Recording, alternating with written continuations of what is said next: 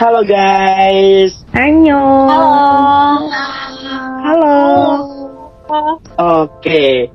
Sebelumnya aku mau ngucapin dulu nih dari perwakilan Kasat.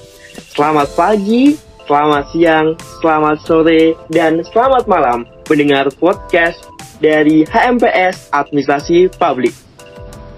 Sebelumnya perkenalkan dulu nih teman-teman semuanya, pendengar podcast setia.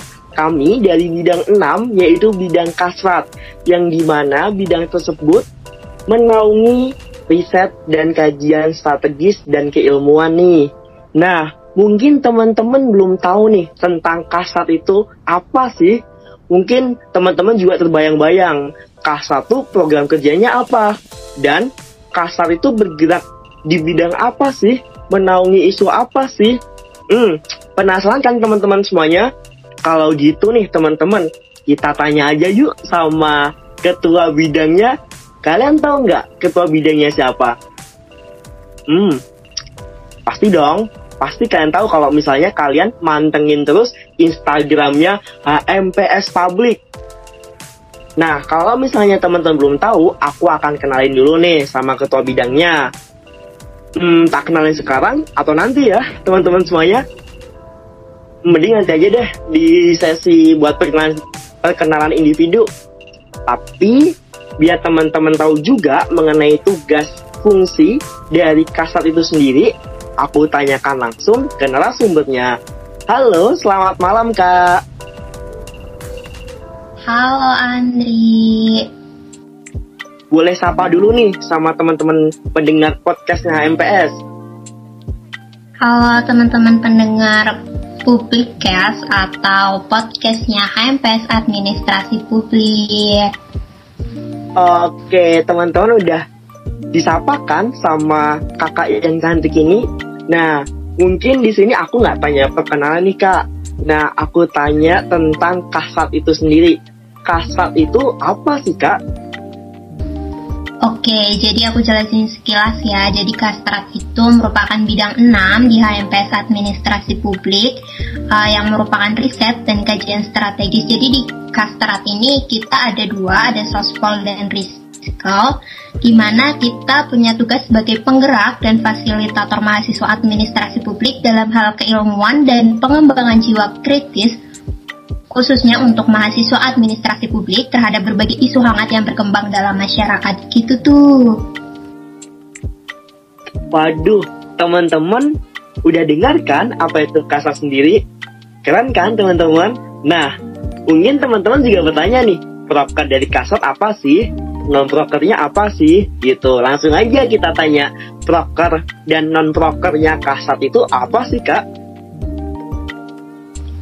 Oke, jadi kalau prokernya kita uh, di periode tahun ini, periode 2021 ada tiga proker.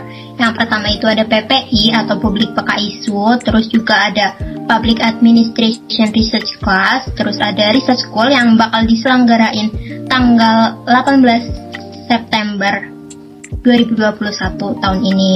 Terus kalau buat non prokernya nih ada banyak banget di Kastrat yang pastinya seru-seru. Nah, uh, non prokernya tuh ada info lomba, terus ada publik kepo, terus ada database, terus ada PKM, ada public administration study. Uh, nah, kira-kira kayak gitu tuh, Nri, kalau buat proker dan non prokernya.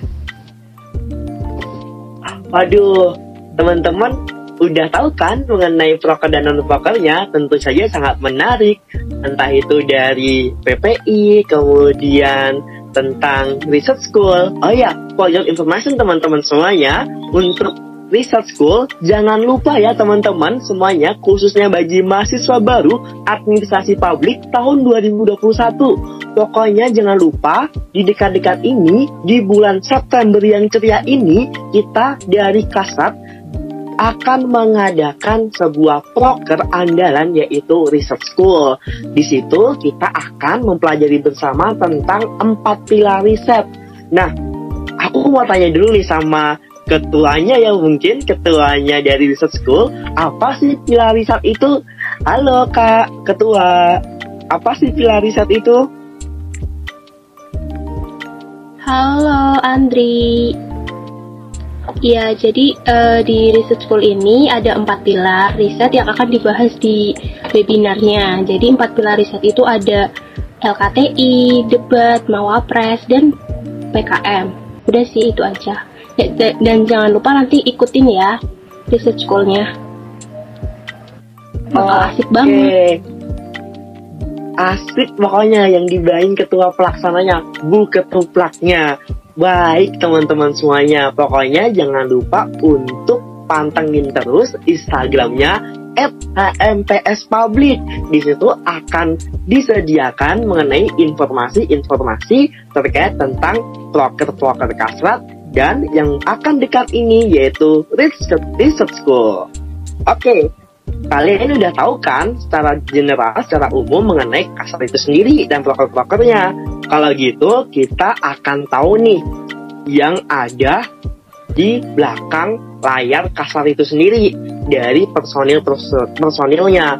Nah, mungkin teman-teman akan mendengarkan suaranya dari kakak-kakak cantik ini. Nah, nanti juga bisa tuh kepoin Instagram Instagramnya. Langsung aja ya, aku akan memperkenalkan terlebih dahulu personil-personil dari Kabit, kemudian Wakabit sama fungsionarisnya. Namun sebelumnya kenalan dulu sama aku nih. Yang aku lagi ngomong, yang aku ngomong di public cast ini gitu. Tahu nggak siapa? Pasti nggak asing lagi kan sama suaranya. Oke, sambil aku kenalin diri aku sendiri, aku juga mau pantun. Malam hari makan tomat Kenalin, aku Andri Rahmat, Dilan KW-nya publik, dan juga merupakan fungsionaris dari Kastrat. Teman-teman kalau mau kepoin aku, kunjungin aja ya Instagram aku andri.rh. Oke, kalau gitu langsung aja. Untuk teman-teman, kakak-kakak cantik untuk perkenalan, silahkan. Halo Andri, salam kenal. Uh, eh, BTW aku lanjut perkenalan dari Andri ya nih. Uh, namaku Ayuvela Handayani atau biasa yang dipanggil Yuvel. Uh, di sini aku selaku Ketua Bidang Kastrat HMPS Publik 2021. Salam kenal semuanya.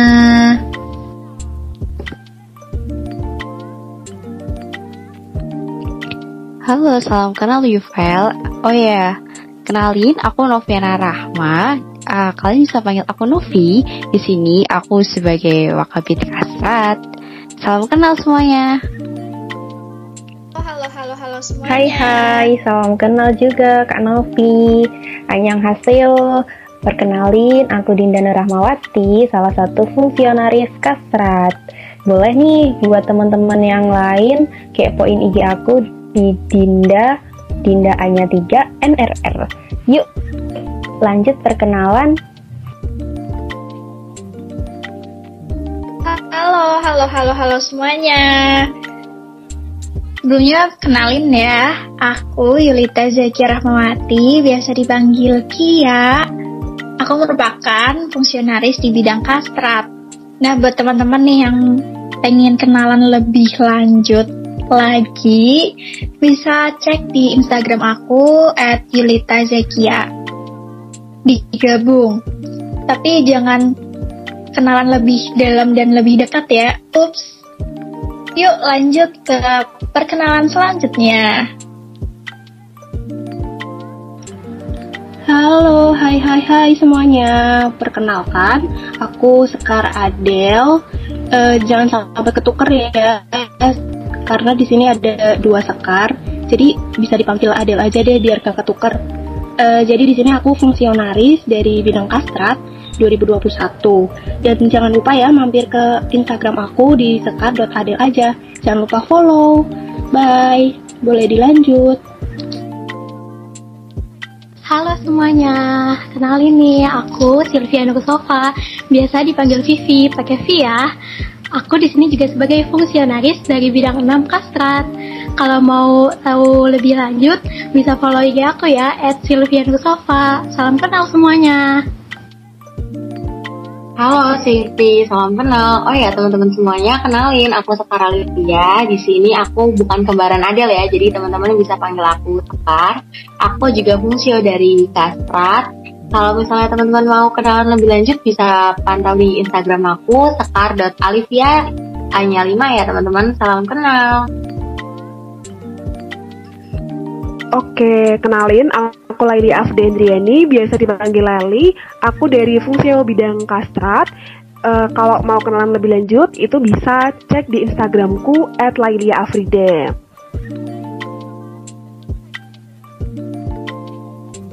Waduh, gitu teman-teman semuanya udah pada kenal kan mengenai nama-namanya yang bergerak di belakang layar kasat itu sendiri. Nah teman-teman kalau misalnya mau kepoin, kunjungin aja Instagram-Instagram yang disebutin sama kakak-kakaknya tadi. Gitu, jadi nanti kalau misalnya mau kenal, nanti langsung aja di FDM-an gitu. Jadi nanti biar kenal gitu. Kan katanya kalau uh, ada pantun kan atau peribahasa itu tak kenal maka tak sayang. Kalau udah kenal nanti, aduh gimana tuh? udah nggak tahu lagi nanti. Oke teman-teman semuanya. Oh iya, for information teman-teman, kita kasat merupakan generasi keberapa ya? Tahu nggak teman-teman semuanya? Generasi keberapa nih? Mungkin dari fungsionarisnya nih, kayak kakak-kakak cantik tadi. Generasi keberapa ya? Mungkin dari Kak Yuvel. Tahu nggak? Ken 7 nggak sih? Hmm, berarti kita di kasat itu udah generasi ketujuh itu Mbak Yuvel. Betul. Aduh, berarti sebelum-sebelumnya juga udah ada generasi keenam, generasi kelima. Berarti kita termasuk usia muda ya, Kak Yuvel? Tapi kita udah nggak balita lagi dong pastinya. Betul sekali. Di sini pastinya kita mempunyai ide-ide kreatif di usia-usia muda nih, ide-ide yang inovasi juga, ide-ide yang nantinya dapat memberikan manfaat berupa proker-proker yang teman-teman ikutin gitu. Jadi nanti dapat memberikan manfaat, kebermanfaatan. Oke, ngomong-ngomong nih teman-teman semua pendengar dan teman-teman dari fungsionaris, hmm, di masa pandemi ini kalian ngapain aja sih? Bosan nggak sih kalau misalnya kalian di rumah aja? Mungkin di sini aku mau tanya dulu nih sama Dinda. Halo Dinda. Halo Andri. Gimana aku mau tanya dong. Di masa pandemi ini kamu ngerasa bosan nggak? Aduh, bosan banget di rumah terus, mana PPKM diperpanjang terus juga. Hmm, iya betul ya. Uh, aku tanya juga, kamu di rumah tuh kegiatannya apa saja sih di online kayak gini? Semuanya serba online, kuliah serba online, apa-apa serba online, ini online, itu online, apa aja sih? Aku kepo nih kegiatan kamu. Um, kalau kegiatan aku nih ya, pasti kuliah yang pertama, terus bantu-bantu di rumah, juga um, mungkin ini sih rebahan sambil mantengin Instagram. Kan aku suka tuh liatin uh, story storynya dari selebgram. Apalagi yang baru-baru itu liburan di New York itu, Dri. Hmm? Apa? Di New York itu? Teman-teman tahu nggak WTW tentang yang lagi farewell tuh di New York? Tahu nggak nih teman-teman pendengar? Hmm, apa dong, Din? Mungkin bisa disepil nih sama teman-teman. Oke, jadi kemarin itu ada salah satu brand lokal asal Indonesia, yakni Erigo, yang menjadi satu-satunya brand pertama di Indonesia yang berhasil beraksi di panggung New York Fashion Week Festival. Gitu, Ndri. Aduh, keren banget kan teman-teman semua beritanya ini ini termasuk berita yang membanggakan juga nih teman-teman karena Indonesia mempunyai produk lokal juga yang sudah diakui dan dikenal juga di luar negeri gitu.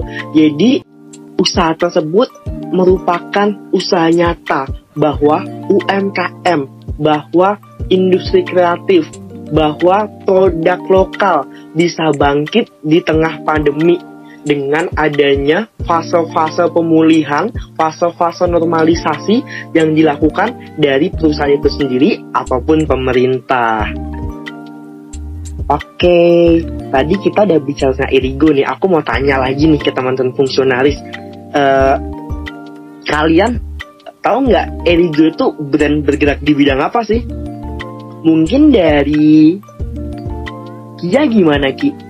Kamu tahu nggak brand Erigo itu? Hmm, setahu aku sih ya, brand ini udah lagi apa nih, lagi hype banget nih baru-baru ini. Brand di, bergerak di bidang fashion gak sih, Ndri? Aduh, keren banget deh pokoknya. Udah punya belum nih brand ini? Koleksi fashionnya?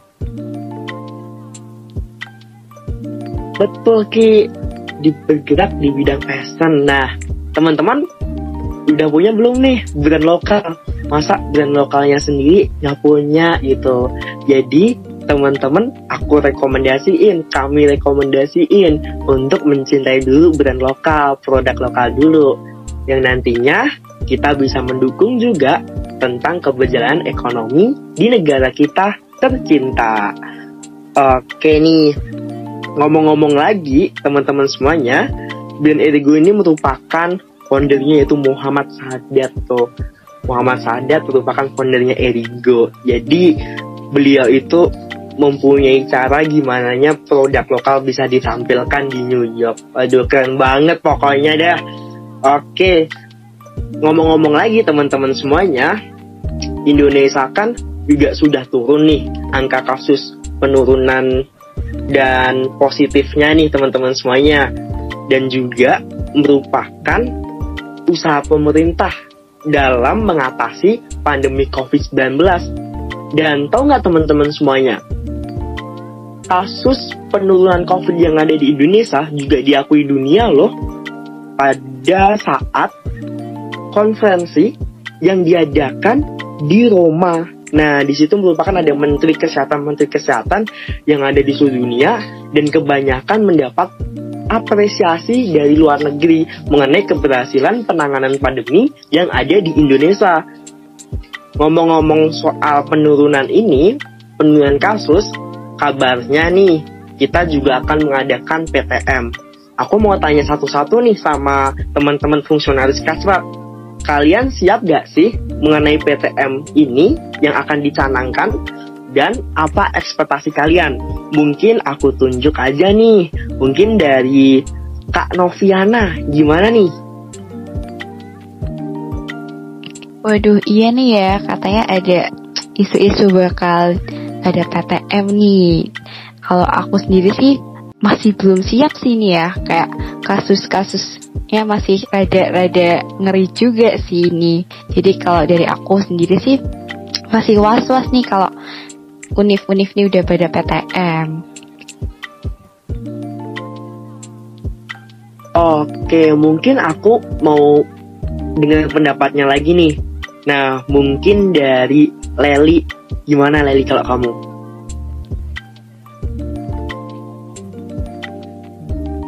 Halo Andri, kalau dari aku sendiri jujur belum siap juga. Bener tadi kata Mbak Novi, uh, kan kalau universitas tuh banyak ya mahasiswanya kayak gitu dan dari berapa daerah juga.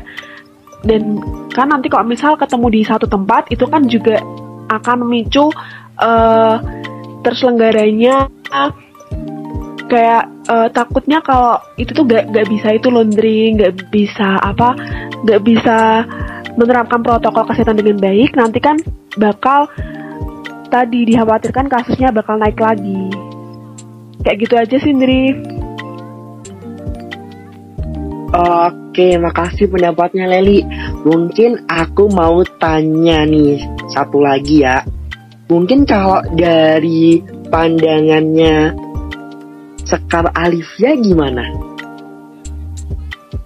Halo Andri, kalau dari aku sendiri sih nggak beda jauh nih dari yang udah disampaikan dari Kanopi sama dari Leli. Kenapa? Karena kan universitas itu nggak cuma uh, mahasiswanya tuh nggak dari satu tempat aja, satu daerah aja, tapi dari berbagai tempat. Yang dikhawatirkan bakal berbeda zonanya nih walaupun di tempat kita itu zonanya udah membaik, belum tentu di tempat lain itu juga sama. Apalagi kan kekebalan tubuh um, manusia nih beda-beda takutnya ketika nanti sudah mulai ada tatap muka terus kebetulan ada yang lagi kurang sehat malah bisa menaikkan lagi angka dari COVID-19 gitu sih Indri dari aku. Oke, da aku simpulkan dari teman-teman semuanya pendapatnya teman-teman belum siap ya buat PTM ini mungkin karena nanti mobil mobilas mobilisasi aduh jadi jadi grogi kan untuk bilang mobilisasi ini.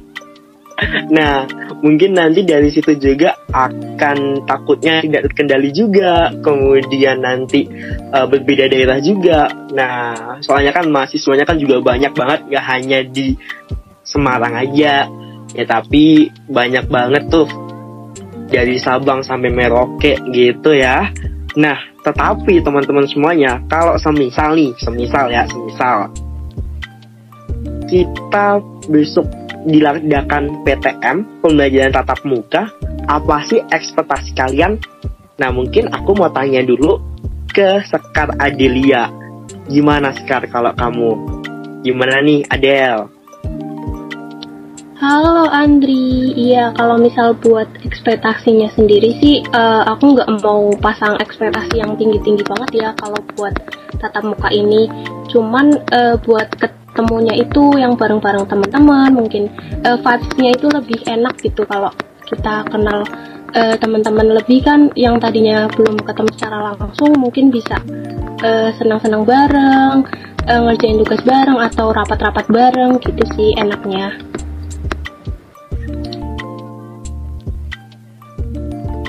Oke, mungkin aku mau dengan satu lagi nih. Mungkin pendapatnya Kak Yuval gimana? Kalau mungkin kalau dari aku setuju banget sih sama Adel tadi nggak pasang ekspektasi terlalu tinggi ya kalau misalnya kita beneran ada PTM lagi nih. Tapi ya, harapan aku semoga teman-teman masih tetap uh, nerapin prokesnya si 5M jangan lupa. Terus juga jangan lupa vaksin karena uh, pandemi ini kan belum benar-benar hilang gitu ya. Nah kalau misalnya PTM juga pasti bakalan seneng banget nih karena udah setahun lebih kita di rumah aja. Sekolah dari rumah kuliah dari rumah itu bosen banget gitu. Nah kalau misalnya kita bisa offline lagi kan pasti bisa ketemu banyak teman-teman gitu sih dari aku.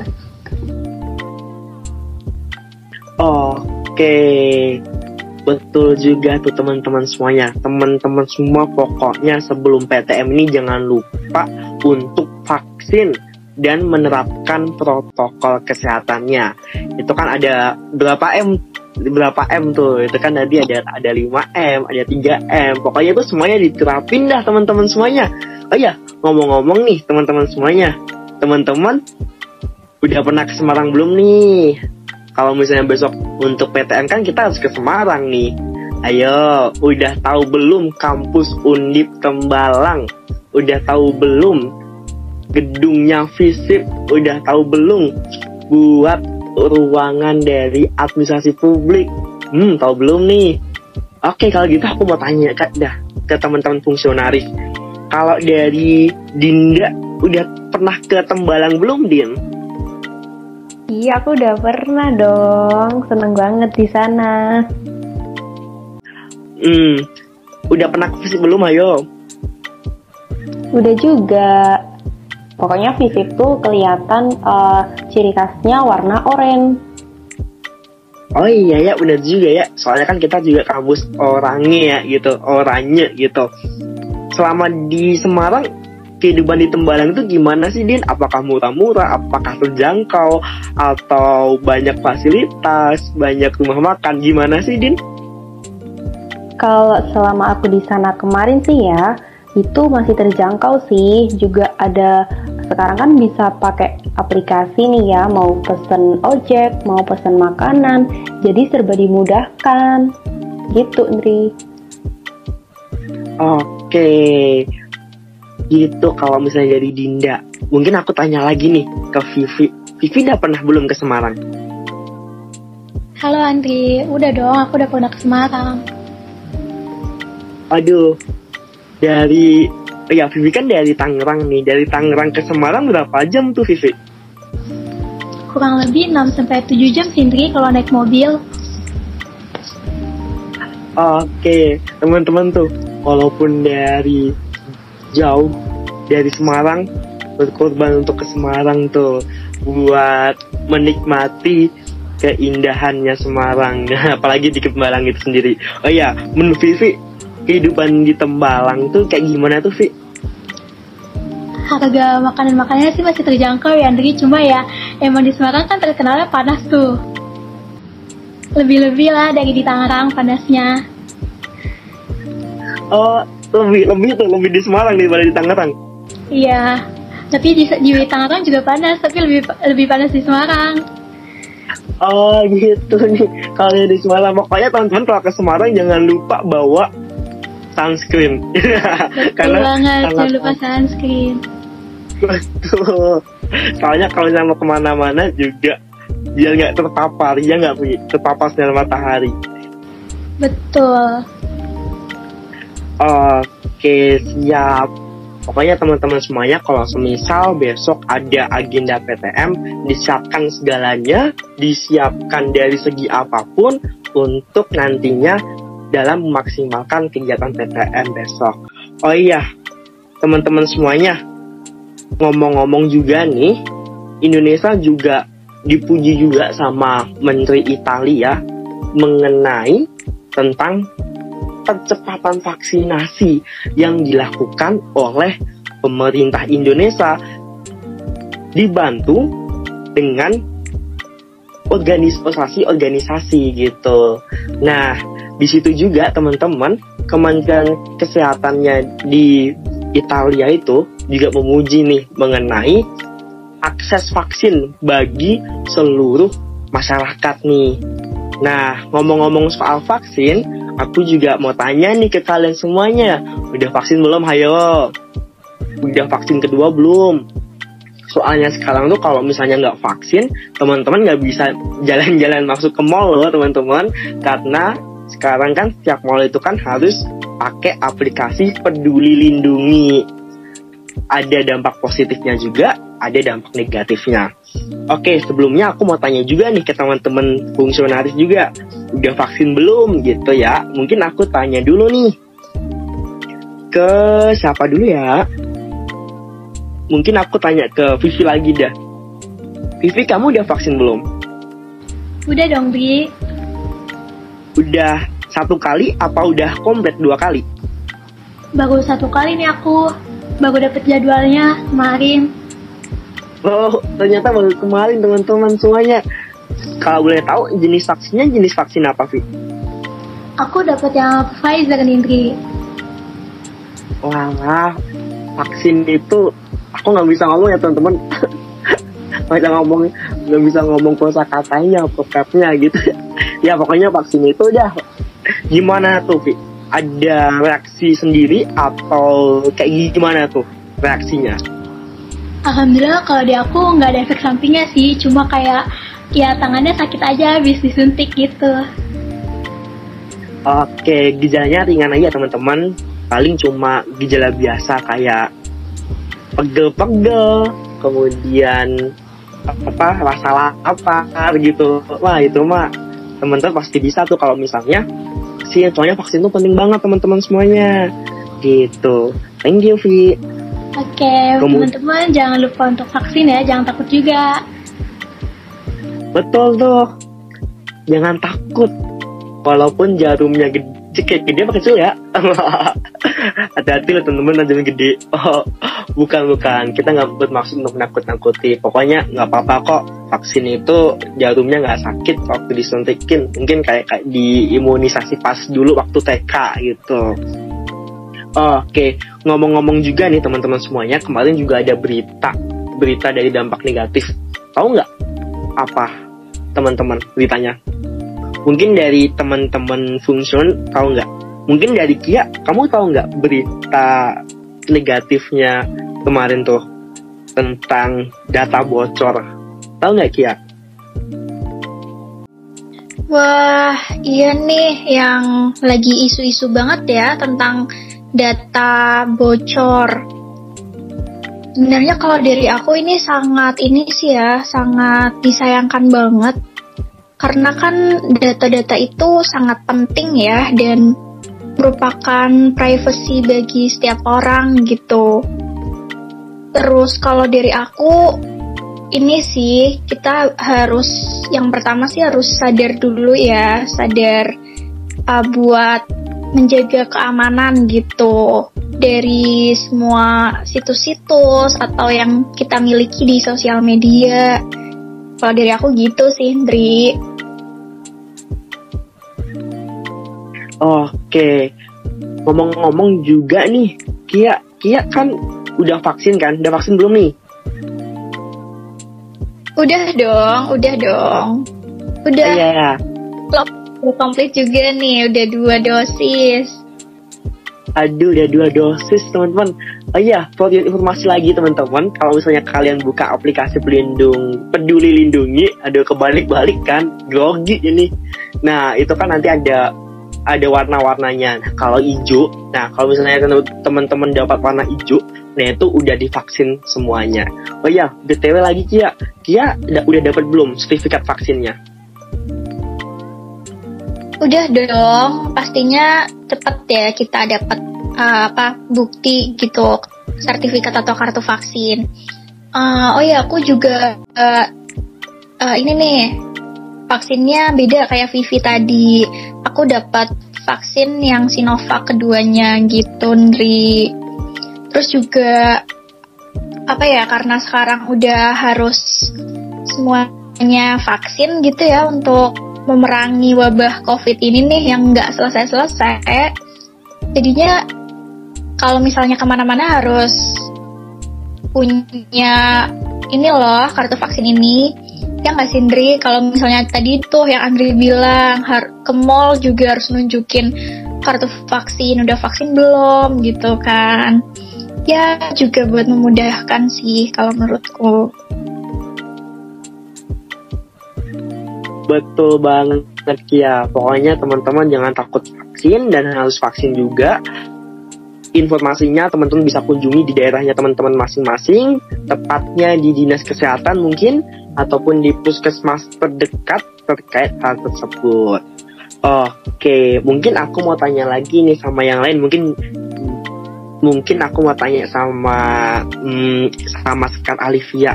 Dia kan juga magang nih eh magang. Dia juga kerja sampingan nih. Aduh jadi salah-salah terus kan? Dia juga kerja sampingan di kesehatan nih. Nah mungkin dari Sekar Alivia ada pesan nggak nih buat teman-teman pendengar terkait tentang pentingnya vaksin ini? Ya, halo Andri. Di sini kan aku mau nyampein nih kalau vaksin itu sebenarnya penting banget buat teman-teman semuanya pendengar di podcast kali ini. Kalau misalnya kalau kita pas vaksin itu imunitas dari tubuh kita akan semakin bertambah. Jadi mungkin kita bakal lebih kuat lagi. Kalau misalnya cuma sekedar demam itu bakal lebih cepat pulihnya.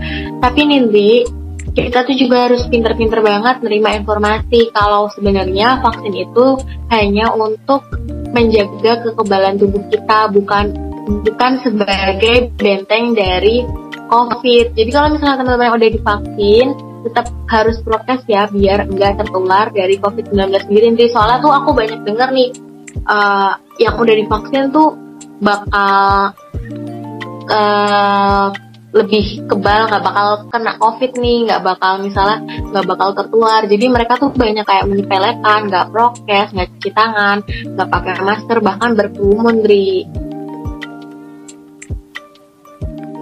Oke, gitu teman-teman pesannya dari Sekar Alivia diperhatikan betul. Pokoknya jangan takut dan harus benar-benar memfilter Nah, memfilter, aku tekanin lagi tuh, memfilter mengenai informasi-informasi terkait tentang vaksinasi. Jangan salah juga dalam menangkap informasi. Apalagi kalau misalnya teman-teman Facebook tuh banyak kan, emak-emak Facebook, bapak-bapak Facebook, informasi dibagikan secara secara bebas juga apalagi kalau misalnya di grup keluarga mungkin budenya, tantenya ataupun saudara teman-teman kalau misalnya nge-share informasi apa pun, cek dulu baik cek di Kominfo ataupun cek-cek sumber-sumber terpercaya yang nantinya teman-teman juga terhindar dari berita hoax gitu. Hoax atau hoax ya teman-teman? Ya itulah pokoknya. Oke, sebelum kita mengakhiri nih podcast ini, waduh udah cepet kelar aja kan buat podcastnya. Mungkin dari kita ada pesen dulu nih gitu. Ada mungkin ungkapan ataupun apa pun. Oke, mungkin dari teman-teman silahkan dari untuk fungsionaris buat memberikan pesan kepada teman-teman pendengar podcast. Mungkin dari Ibu Kabit dulu. Silahkan. Uh, dari aku mungkin pesannya makasih banyak nih buat temen-temen yang udah dengerin sampai terakhir kita ngoceh-ngoceh di publik case kali ini. Dan jangan lupa jaga kesehatan tetap patuhi prokes. Terus kalau ada kesempatan vaksin langsung gas vaksin. Gitu aja sih. Salam sehat semuanya. Salam sehat pokoknya. Tuh diperhatiin. Nah mungkin dari ibu wakabitnya silahkan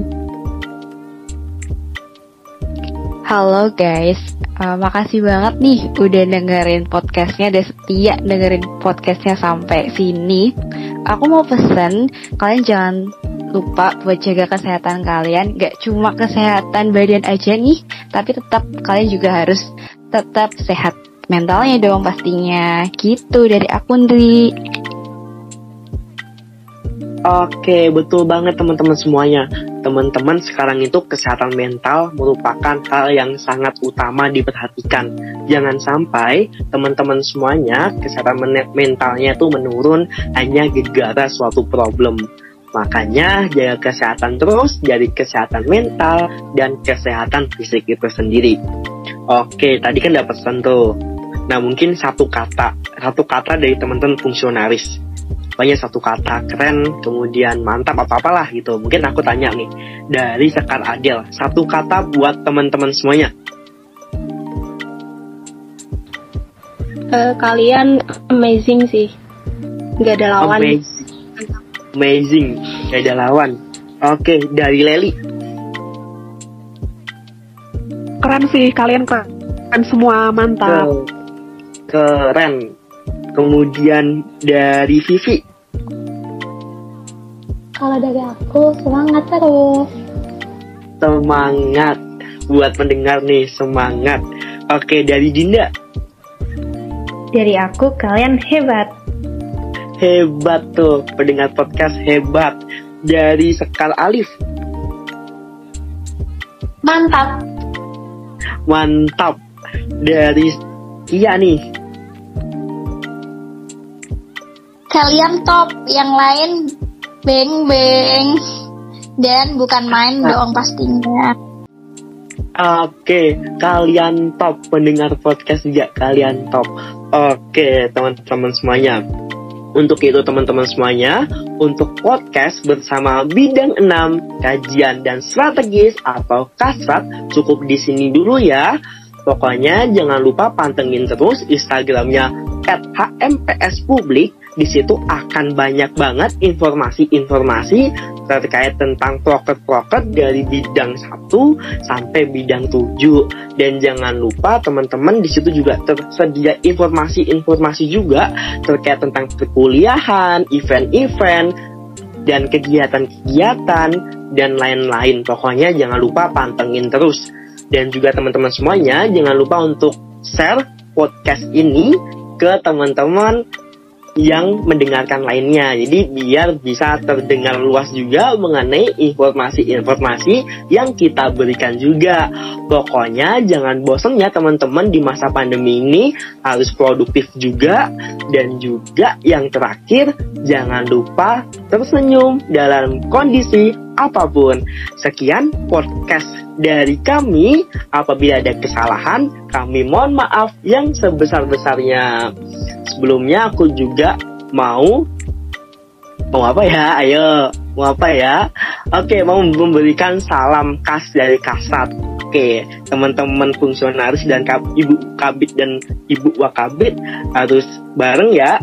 Oke, kalau misalnya aku bilang kasrat, teman-teman semuanya harus memberikan jargon salam prestatif, gitu ya.